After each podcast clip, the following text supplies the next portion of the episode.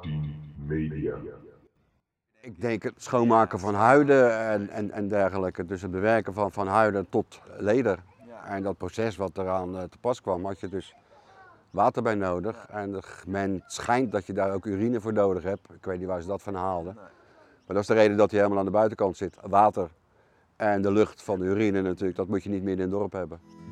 regent weer in Maasluis. Ik ga, ook al kom ik ooit weer thuis.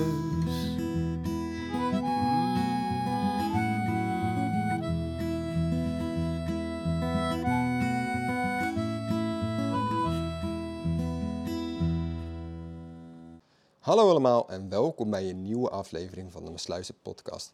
De podcast waarin al het bijzonders in en uit Mesluis besproken wordt. In deze negende aflevering gaan wij het hebben over de Zuidvliet in Mesluis.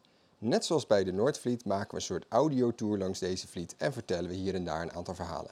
En dat is dan ook waar we nu mee gaan starten. Oké, nou ik zou zeggen laten we zoals altijd beginnen met te vertellen waar zitten we nu eigenlijk precies. We zitten nu aan het einde van de groens van uh, Prinsterenkade. En we kijken uit op de watersportvereniging. We zitten op het verbindingswater tussen de Noordvliet en de Zuidvliet. En daar zitten wij aan op het ogenblik. Ja. We staan aan het eind van de, inderdaad van de Groen van Prinsenkade. Die, eh, die kade ligt aan de Zuidvliet. En dat is ook waar deze negende aflevering over gaat. Aflevering 8 hebben we het gehad over de Noordvliet. En hebben we een soort eh, ja, tour gedaan, een audiotour over de Noordvliet. En dat is eigenlijk wat we met de Zuidvliet ook gaan doen. Ja. En eh, we hebben nu voor deze plek gekozen omdat deze plek ook uitkijkt over het uiteinde van eh, deze kade. Dat is een belangrijk stuk waar bijvoorbeeld de bierbrouwerij stond. Eh, maar daar komen we later op terug. Want eh, nou, nou, laten we eh, even met onze audiotour beginnen. En dan beginnen we eigenlijk helemaal bovenaan de wip. Bovenaan de, bij de Hoogstraat en daar naar beneden toe hebben we de wip richting Mart. Daar staat de eerste bebouwing aan de Zuidvliet. Het Ja. heet wel anders, maar het water heet de Zuidvliet. En daar begint de eerste bebouwing eigenlijk aan de linkerkant als je naar beneden loopt. Ja, en dat is dan de, de Zuidvliet Noordzijde. Maar eigenlijk als we nog een beetje op die wip blijven. Want die ligt, als ik van boven zou kijken, toch ook wel langs het eerste gedeelte van de Zuidvliet vanuit Ja. de sluis. Ja. En die wip, nou die wip was eigenlijk ooit zo rond 1590 was dat een trap. Het was niet een, een, een opgaande weg zoals we hem nu kennen. Nee, het is later eigenlijk gekomen toen de noodzaak ontstond om daar eh, met rijdend materiaal naar boven te kunnen. Daar is die trap eh, waarschijnlijk verdwenen en eh, licht glooiend gemaakt. Ja. Maar dat licht glooiende, dat viel wel mee. het was vrij stijl. Ja. Dus het verder nogal wat moeite om boven te komen. Meer dan nu in ieder geval. Ja. En, dat, en uiteindelijk is die geworden zoals we hem nu kennen, dus rond 1891. Maar voordat de WIP heette, heette het de Oude Kerkstraat. Ja. Maar er kwam op een gegeven moment ergens anders in Maasluis een Nieuwe Kerkstraat. En toen is die ook qua na, van naam veranderd. En toen werd die ook zoals we hem nu kennen, toch? Glooiend. Zo, juist. Glooiende. Het is nog steeds een, eh, met je fietsje erboven toe is een aardige onderneming. Naar beneden toe, dat gaat eh, vrij snel. Mm. Maar eh, hij is afgevlakt en het is een stuk beter dan dat was. Dan dat, dat was. Juist. Ja. En nou ja, waar die naam dan vandaan komt, er zijn verschillende dingen die je zou kunnen vinden. Eén is dat ze zeiden dat je met een. Eh, Hallo. Hallo. Dat je met een wip beneden was. Ja. Dat je eigenlijk heel snel beneden was. Ja. Maar dat geldt niet voor omhoog, want dat is gewoon een tering eind. Maar goed.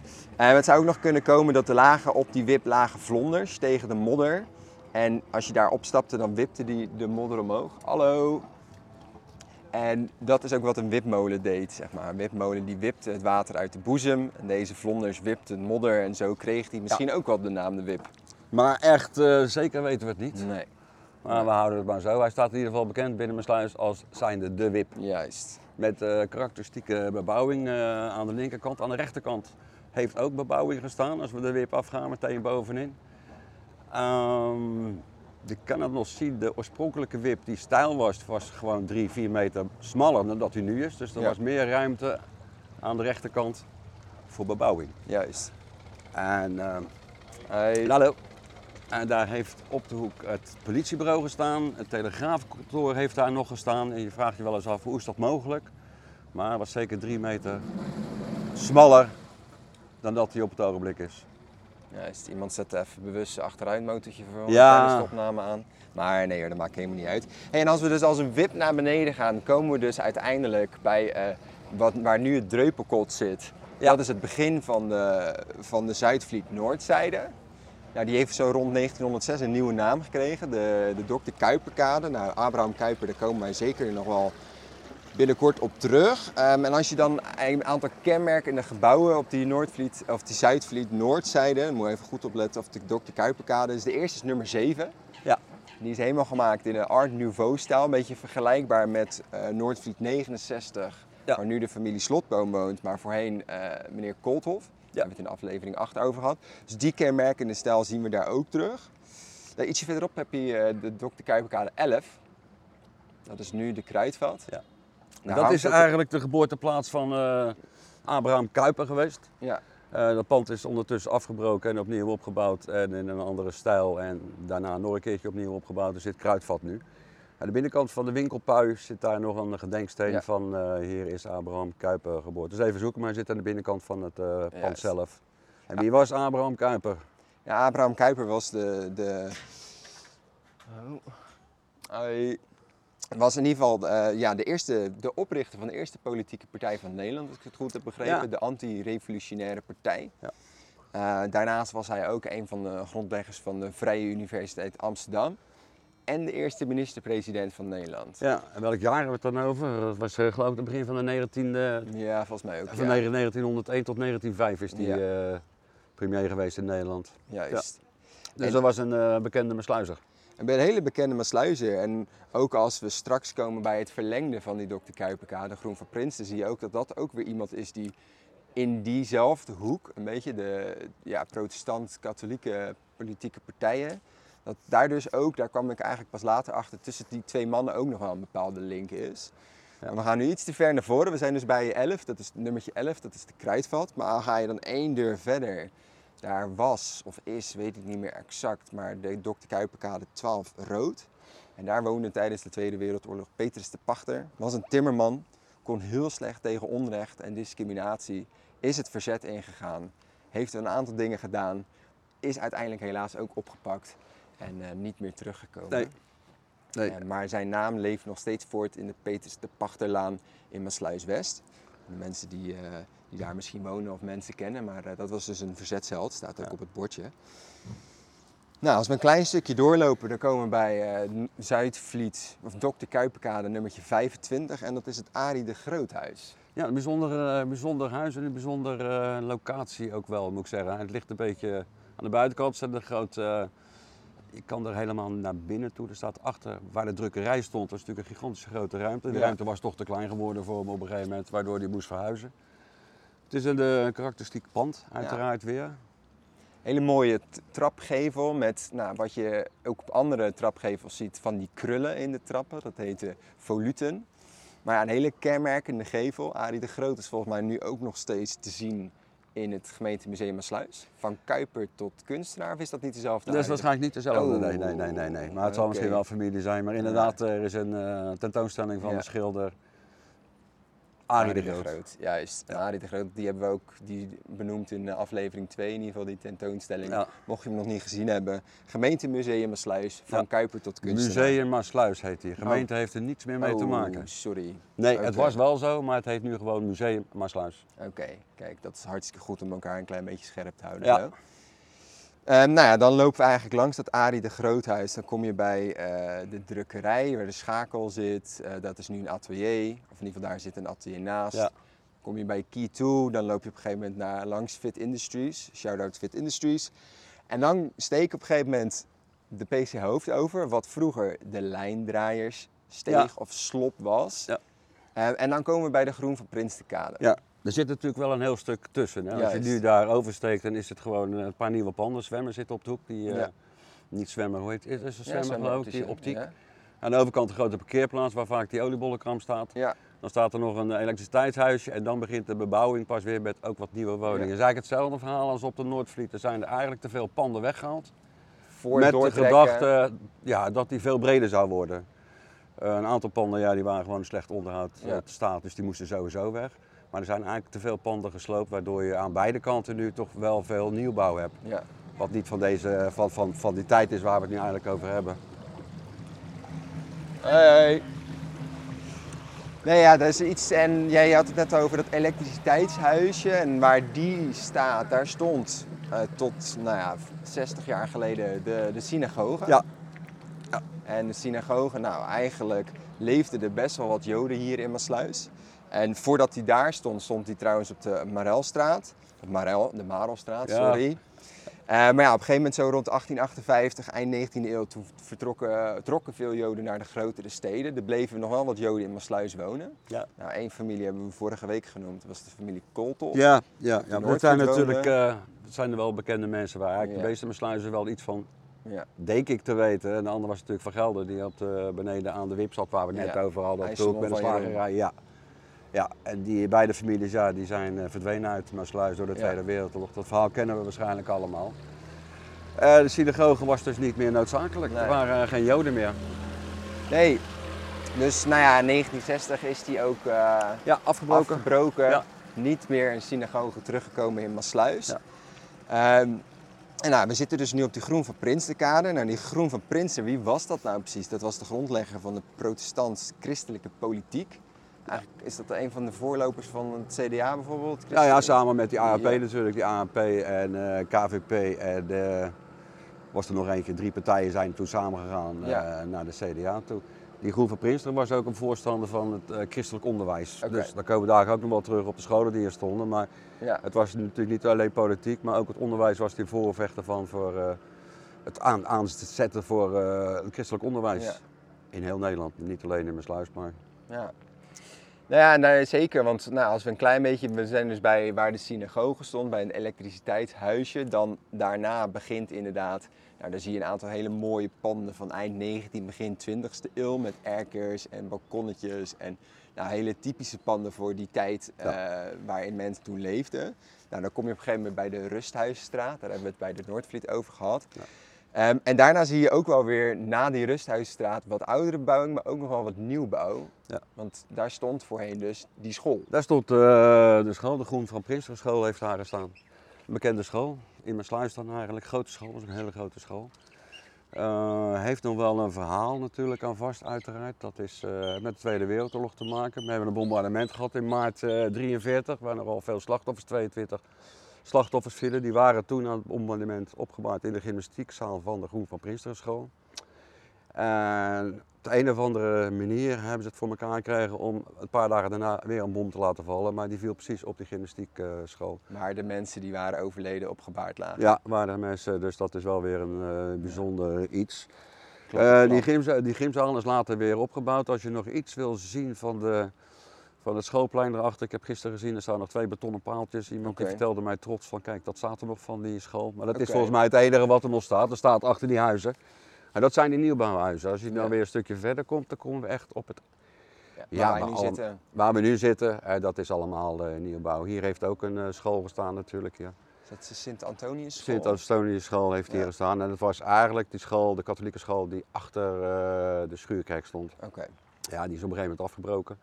En die is hier eh, teruggekomen toen Ja. de tijd. Maar dit is de oorspronkelijke plaats waar dan de bierbrouwerij zat, eh, Ja. de leerlooierij. En die werf waar we het over Ja. hadden, die Firet, die zat hier eh 10 meter achter je. Juist, want ah ja, dat gedeelte inderdaad waar nu echt die nieuwbouw staat van de Prinsenkade, dat is voor mij rechts, voor jou links. Maar voor mij links is de, is de jachthaven. Maar dat was dus zo rond eh, 1850 was dit de scheepswerf. Ja. En eh, een perfecte plek voor de scheepswerf. Jawel, en natuurlijk aan het water. Ja. En eh, hij, hij repareerde eh, Westlanders. Dat waren dus eigenlijk van die duwschuiten waar niks in kon, maar opgestapeld werd. Ja. Die kwamen uit het Westland met... Natuurlijk 100, 200 meter verder was de veiling van Maasland. Dus hij zat hier echt op een knooppunt waar die boten allemaal voorbij kwamen. Het is een ideale plek om die boten te repareren, mocht het nodig zijn. En een van de werknemers die eh, hier heeft gewerkt is Hendrik de Haas. En dat is uiteindelijk de persoon die eh, Ja. de Haas, eh, zoals wij het nu kennen, aan het Hellinggat, die scheepswerf heeft. Ja. Of heeft gemaakt. Ja, die daar begonnen is, verder gegaan is. Precies. Ja. En nu is dat nog steeds een de Haas. En ik weet niet of een van zijn zoons het Zal wel, nemen. Zal er wel weer... Allebei in de klas gehad. Matthew en Samuel. Samuel, moet ik even goed zeggen. Ehm, Maar goed, eh, ja, en die scheepswerf zat er eerst. Nou, uiteindelijk is die scheepswerf is verdwenen en toen werd het een leerlooierij. En, eh, voordat het de Groen van Prinstenkade heette, was het, heette het ook namelijk het Looierspad. Ja. Dus het pad wat eigenlijk van het centrum naar de leerlooierij eh, liep. En die leerlooierij, wat is een looierij eigenlijk? Gewoon een, een leerverwerker, denk ik. Ik denk het schoonmaken Ja, van schoonmaken, huiden en, en, en dergelijke. Dus het bewerken van, van huiden tot leder. Ja. En dat proces wat eraan eh, te pas kwam, had je dus water bij nodig. Ja. En men schijnt dat je daar ook urine voor nodig hebt. Ik weet niet waar ze dat van haalden. Nee. Maar dat is de reden dat hij helemaal aan de buitenkant zit. Water en de lucht van En de, de lucht urine natuurlijk. Dat moet je niet midden in het dorp hebben.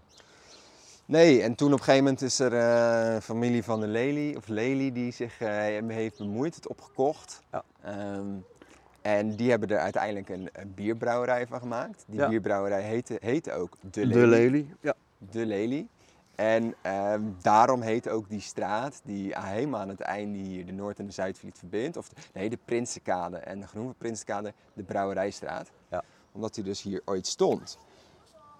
Nou, dan komen we eigenlijk wel een beetje aan het einde van, van deze, van de Zuidvliet Noordzijde, moet ik het even goed zeggen. En dan steken we eigenlijk heel erg schuin Ja. over naar de, de Wipperskade. ja, dat is nog wel een eh 200, 300 meter verder. Dan zit je op, die, eh, op de Wipperskade waar de Wippersmolen staat. In de volksmond heet die ook wel de Wipmolen. Juist. Maar dat is de Wippersmolen. Eh, en daar eindigt eigenlijk die kant van de Zuidvliet, die eindigt daar, want dan kom je op grondgebied van Maasland. Juist. Dus we gaan daar verder, dan gaan we weer terug het dorp in. Ja, en die, wip, die wippersmolen, nou, hij werd wippersmolen genoemd, maar het is een wipmolen. Zoals net al zeg, die wipt het water uit de boezem, of uit de polder in dit geval, eh, de vlieten in. Nou, de wipmolen, daar kennen wij mensen die daar wonen, toch? Ja, daar komen we zelf vandaan. in de Molenwijk ja. hebben we natuurlijk in de Gebo- sluis. Geboren en getogen zijn wij, Ja. eh, of in ieder geval ben ik op de wipmolen. Dus en, en als we dan eigenlijk over die Wipperskade richting het centrum lopen, komen we eerst nou, waar nu eh, mijn school staat, het Revius, het Lentes Revius Lyceum. Ja. Daar heb je nog eigenlijk, dat, dat heet de kade, dat zei je net, Wipskade of zo. Ja. Maar mijn moeder noemde, die is hier geboren, die noemde dat het kaartje. Het kaartje. Ja, dat heet eigenlijk ook gewoon ka, ka- kade of iets dergelijks heette dat vroeger. En die noemden dat de kaartje, de kade, kaartje naar eeuwigheid. Kaartje naar eeuwigheid. Ja. Waarom? Omdat het daarna gewoon een tering heen was. En Volgens mij liep je gewoon eh, de wereld uit, de bewoonde Juist, wereld van hun toen de tijd. Ja. En het is natuurlijk helemaal volgebouwd aan die kant nu. Ja. Maar dat begon eigenlijk pas bij die villa waar we dadelijk op komen. Juist. Die stond er dan wat eerder. Maar daarna was het allemaal leeg. Het was Ja. tuinbouwgrond en school was er Ja. uiteraard nog niet. Dus je liep daar. eeuwigheid. Ja, ja, ja, ja, ja. Ja. Je deed er waarschijnlijk een eeuwigheid over om. Nou ja, precies. En eh, wat jij ook zegt, eh, vanaf die Wipperskade tot en met eh, Zuidvliet 111, dat is de kenmerkende Villa Johanna, was er ook gewoon geen bestrating. Dat Nee. was gewoon een pad. En die bestrating begon eigenlijk pas bij de plek waar we dus nu zijn met onze audiotour, om het even zo te zeggen. Dat is Villa Johanna. Ja. Nummertje 111 en eigenlijk tussen dus dat pad naar de Wipperskade en dat gedeelte van de Zuidvliet zat ook echt een hekje. Ja. Nou, nu kan je daar gewoon eh, simpel voorbij fietsen. Maar een hele kenmerkende villa. Ja, het is een hele kenmerk. Een van de weinige villa's die met sluisrijk was. Ja, Een andere bekende was de Roda Villa. De Roda Villa. Die lag in, dan in de buitenhaven. Die sommige mensen misschien wel kennen. Dit is een hele kenmerkende villa. Niet zo oud, maar ja, wat is eh 1905 of 19? Ja. In die periode gebouwd door een directeur van de glasfabriek die op buiten op het hoofd stond, Ja. ja. Eh, later in handen gekomen van de, de familie Vink. Wie is dat, meneer Vink? Nou, was toen de tijd in de jaren 60 een bekende motorcoureur in eh, Nederland. Met zijn winkels die hij hier had ook. We hebben het net over de oude veiling Maasland gehad, waar eh, die afgebroken is. Daar heeft hij ook gezeten met zijn motorhome Vink. Ja. Waarschijnlijk bij een hoop mensen nog bekend. En nu is het weer in andere handen en het ziet er nog steeds stralend en mooi Ja. uit, dat Ja, villa. Nu woont de familie Knierenberg. En Toevallig eh, mijn Knieren en mijn zoon heb ik uiteraard ook, Uiteraard in, het, ook, eh, ja. in de klas gehad. Dus eh, mocht je luisteren, Mike, eh, de groet aan jou uiteraard. Nou, als we dan iets verder lopen, dan komen we op een gegeven moment langs een huis. En ik, als ik wel eens van naar de zaak loop, dan zag ik daar altijd een naambordje Smelen. Ja, en die naam ken ik wel. Ik weet Kim Smelen heb ik ooit een keer in de klas gehad. Ik weet niet of dat familie is van... Maar Wasserij Smelen is een redelijk bekende naam in mijn sluis. Ja. Zit nu op de Industrieweg. Maar ehm, op die plek aan de Zuidvliet, dus wij zitten nu eh, na de Villa Johanna. Daar, dat was vroeger een hele goede plek voor blekerijen. Dus, dus nu zitten we rond 1689, 1690 en blekerijen waren eigenlijk, nou, zoals het woord het al zegt, plekken waar grote stukken linnen werden gebleekt. Nou, dat was daar een perfecte plek, want er was heel veel ruimte aan de rand van de stad, of van het dorp, hoe je het ook wil noemen. Schoon water, ja. Ja. dat is toch wel wa- wat al een aantal keer terugkomt. Dus als je dus aan de rand van een stad zat, dan had je daar waarschijnlijk ook omdat je vers schoon water nodig had. En uiteindelijk dus die blekerijen, dus er waren er volgens mij twee en die zijn in 1822 gekocht door Paul Smelen en die heeft toen het, eh, de wasserij opgericht en die is dus daar gestart. Ja. Ja. En eh, nou, die is uiteindelijk dus verplaatst naar de industrieweg, maar er woont daar nog wel een Smelen. Wie dat exact is, dat zou ik zo 1, 2, 3 niet Nee, weten. dat zou ik ook niet weten. Ik weet wel eigenlijk dat dat, dat, dat, dat, wasserijgebouw, dat er wat staat niet aan de weg, maar staat een meter of tien erachter. Ja. Dat is een heel mooi pand is het. En dat is in gebruik ook door eh, kunstenaars Juist. als Ah, atelier. Die zitten Juist. daar allemaal. Als je langs de hek loopt, dat zit dicht. Maar door de weeskelen volgens mij zo naar binnen lopen. Dan zijn Ja. er altijd al een paar daar aan het, eh, aan het werk. Is wel eens een keertje de moeite waard, ook Ja. om te kijken hoe ze dat ingericht hebben. ja, Prachtig mooi pand en gelukkig is dat nog eh, behouden. Staat dat er nog? Ja. Ja. Nou, dat is eigenlijk, als we dan dus weer ietsje verder teruglopen naar de PC Hoofd richting het centrum, dan komen we ja, ook wel een bekend gebouw tegen, namelijk het Schuurkerkje. Het Schuurkerk. Schuurkerk. Ja, wat dat is, het is, Het is gewoon een schuurkerk. Ja, het is gewoon een schuurkerk. Ja. En eh, nou, dat is nog wel een goed verhaal, ook hoe die aan die naam komt. Want we hebben het gehad over, eh, nou, op, de, op het kerkeiland stond, staat nu de grote kerk. Daarvoor stond een kapel, die is afgebrand. Toen hebben ze in 1576 een nieuwe kleine kerk gemaakt. Moeten we nog even opmerken dat toen wij het hadden over het Schanseiland, toen zei ik dat na het bouwen van de grote kerk die kleine kerk is gesloopt. Maar dat klopt niet. Die kleine Nee. kerk eh, die is niet gesloopt, die is pas in 1966 gesloopt. Ja. Niet gelijk na de bouw van de grote. Dus dat is nog even een kleine correctie naar aanleiding van aflevering 4. Maar goed, dat kleine kerkje werd dus daar op die Hoogstraat, als het goed is, gemaakt. Maar was niet toegankelijk voor Rooms-Katholieken. Nee, het is eigenlijk eh, niet alleen in Mersluis. Eigenlijk heel Nederland had je natuurlijk altijd al een mot tussen katholieken en hervormden en protestanten en dergelijke. En de katholieken waren hier beduidend in de minderheid en dat lieten de gereformeerden ook wel duidelijk blijken. Ja. De Mersluizers waren eigenlijk niet welkom. En ze mochten hier wel wonen, maar ze mochten geen eigen schuur eh, bouwen. Nee. Dus die zijn jarenlang, eh, echt heel lang, moesten ze lopen over het kaartje van eeuwigheid waarschijnlijk, Juist. naar de kerk in Maasland. Maasland. Want daar waren ze wel welkom. Daar waren ze wel welkom, dus hier hebben ze eigenlijk nooit. eh, Nee. Nou goed, en dan ga je een stapje verder. Dat is eigenlijk ook de reden waarom die, die locatie van de schuurkerk eigenlijk buiten, toen de tijd, buiten de stad, eh, buiten, Ja. aan, aan de rand van de stad ook eh, kwam te staan. Ja. Ja, want er werd- ze kregen toen uiteindelijk tijdens de Franse Revolutie, waar een van de kenmerken ook vrijheid van godsdienst was, nou kregen ze dus wel toestemming, als ik het even zo mag noemen, om, om, Ja. om een kerkje te maken. Ja. Daarvoor zaten ze trouwens tussen dat ze naar Maasland gingen op Veerstraat 2. Daar zijn we de afgelopen aflevering. Nou, ze gingen al naar Maasland toe, maar toen ze eigenlijk toestemming kregen om een kerk te bouwen, kijk, die zet je niet van de een op de andere dag eh, neer. Maar toen mochten ze wel beleiden in, eh Ja. in Maassluis. En toen zijn ze in de Veerstraat terechtgekomen, Ja. boven die boerderij daarboven. boerderij. En daar hebben ze één of twee jaar gezeten, totdat de kerk klaar was hier in de... Juist. Juist. En nou goed, omdat het dus niet gezien mag worden, die, die kerk die ze maakten, mag niet gezien worden van de openbare weg. Nee, Dus er zat toen nog geen toren op. En de pastorie stond ervoor. Ja. En het was dus echt een schuilkerk, een, schu ja, een schuurkerk. En daar komt dan ook die naam vandaan. Ja. Weet je, het mocht maar er zat ook geen toren in het Nee. daaltop. hè. Hij was totaal, moest hij onzichtbaar zijn. Ja. En ik weet van mijn moeder wel, die is ook katholiek, dus wij ook eigenlijk. En, en, en die moesten ook altijd een speciale route lopen om zo min mogelijk die, die gereformeerden en protestanten allemaal tegen te komen. Als ze wel tegenkwamen, gebeurde wel eens dat ze gewoon de vliet ingeduwd werden. ja. Dus het waren eh, mooie tijden. Bijzondere, Ja. bijzondere tijden. Eh, en de schuurkerkje, zoals wij het kennen, heeft daar dus een hele grote rol in gespeeld. Of in ieder geval ja, die, die, voor die Rooms-Katholieken in ieder geval. Nou, als we dan voorbij dat schuurkerkje lopen, dan steken we weer de PC Hoofd over. Dan gaan we eigenlijk eh, terug richting echt het centrum. En dan hebben we aan de linkerhand eh, nou, het, het centrum De Vliet, wat Ja, De nu Vliet. gesloopt gaat worden.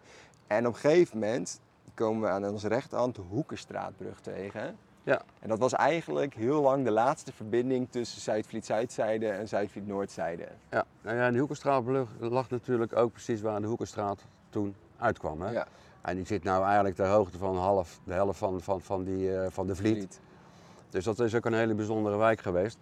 Eh, maar dat was wel de laatste brug. We hebben in de Tweede Wereldoorlog nog wel een houten brug gehad. Van de Schuurkerk naar de Groen van Prinstenkade toen. Eh, dat is toen aangelegd vanwege die, die oorlog en dergelijke. Is- maar dat was wel de laatste brug voordat die PCO-brug kwam. Ja. En aan daardoor komt dus ook die Hoekerstraat, want dat was de straat die dus aan die kant lag, waar Ja. nu de Vliet is. Ehm, nou, die Vliet gaat dus trouwens gesloopt worden. Volgens mij is dat nu al helemaal leeg. Nou, het is bijna leeg Bijna inderdaad. De laatste bewoners gaan Ja. eruit naar de overkant van de Juist. PCO-laan. Die zitten er al. Dus zo gauw de laatste eruit is, dan gaat eh, de vliet tegen de vlakte. Ja. En dan komt daar eh, project Puur, waarvan, als ik het goed heb begrepen, begin 2022 ze of gaan beginnen met bouwen, denk ik. Nou, dat worden best wel eh, weer huizen met, met karakteristieke gevels. Ja, Dus gelukkig ik denk, wel, ja. Voor het aanzicht van de Zuidvliet is het best wel een aanwinst. Nou, ik denk dat waar we nu zitten, dat het een aardig voorbeeld is van zoals die huizen eruit gaan zien. Ja. Als je terugkijkt waar de, de Groen van Prinsterschool st- stond, Ja. staan ook nieuwe woningen hier. Maar dit is een vierkant blok eh, nieuwe woningen. Het heeft geen uitstraling. Deze wel. Ik hoop dat het een beetje dezelfde Ja. kant op gaat. Nou, ik heb het even opgezocht. Het gaat wel een beetje zo'nzelfde soort uitstraling krijgen. Net zoals de nieuwste rijtjes nu op het balkon. Met van die. eh, Hallo. Het zijn van die karakteristieke gevels in ieder geval. Ja, Nou, en als we het dan ook over karakteristieke gevels hebben, als we dus voorbij, voorbij die Vliet lopen, Hoekerstraatbrug, nou, dan komen we op een gegeven moment waar nu de Primera zit. En daarnaast, Zuidvliet 12, dat is ook echt een heel kenmerkend gebouw, vind Ja. ik persoonlijk altijd. En een mooie. ja, dat heeft heel weinig gescheeld of het heeft, eh, het had er niet gestaan. hoor, Want er zijn foto's van dat hij bijna op instorten stond. Ja. Als je ook door dat straatje ernaast loopt, eigenlijk de Sluispolderkade. Ja, dat huis dat staat eigenlijk, ik heb dat al eerder gezien aan de zure vis tegen ook. Dat staat Ja. helemaal naar buiten toe. Het wijkt naar het huis ernaast. Maar het is gerestaureerd, het ziet er prachtig mooi uit. En het is ook weer bijzonder, bijzonder dat hij helemaal aan de rand van, ja, zijn, eh, juist. Van, van de straat staat eigenlijk. Ja, want daar zit nu eh, trouwens restaurant De Lantaarn in. En bovenin zit volgens mij iemand eh, nu sushi te verkopen vanuit de bovenverdieping. Maar ook deze valt nog eens extra op omdat die echt tot de uiterste perceelgrens is gebouwd. Ja.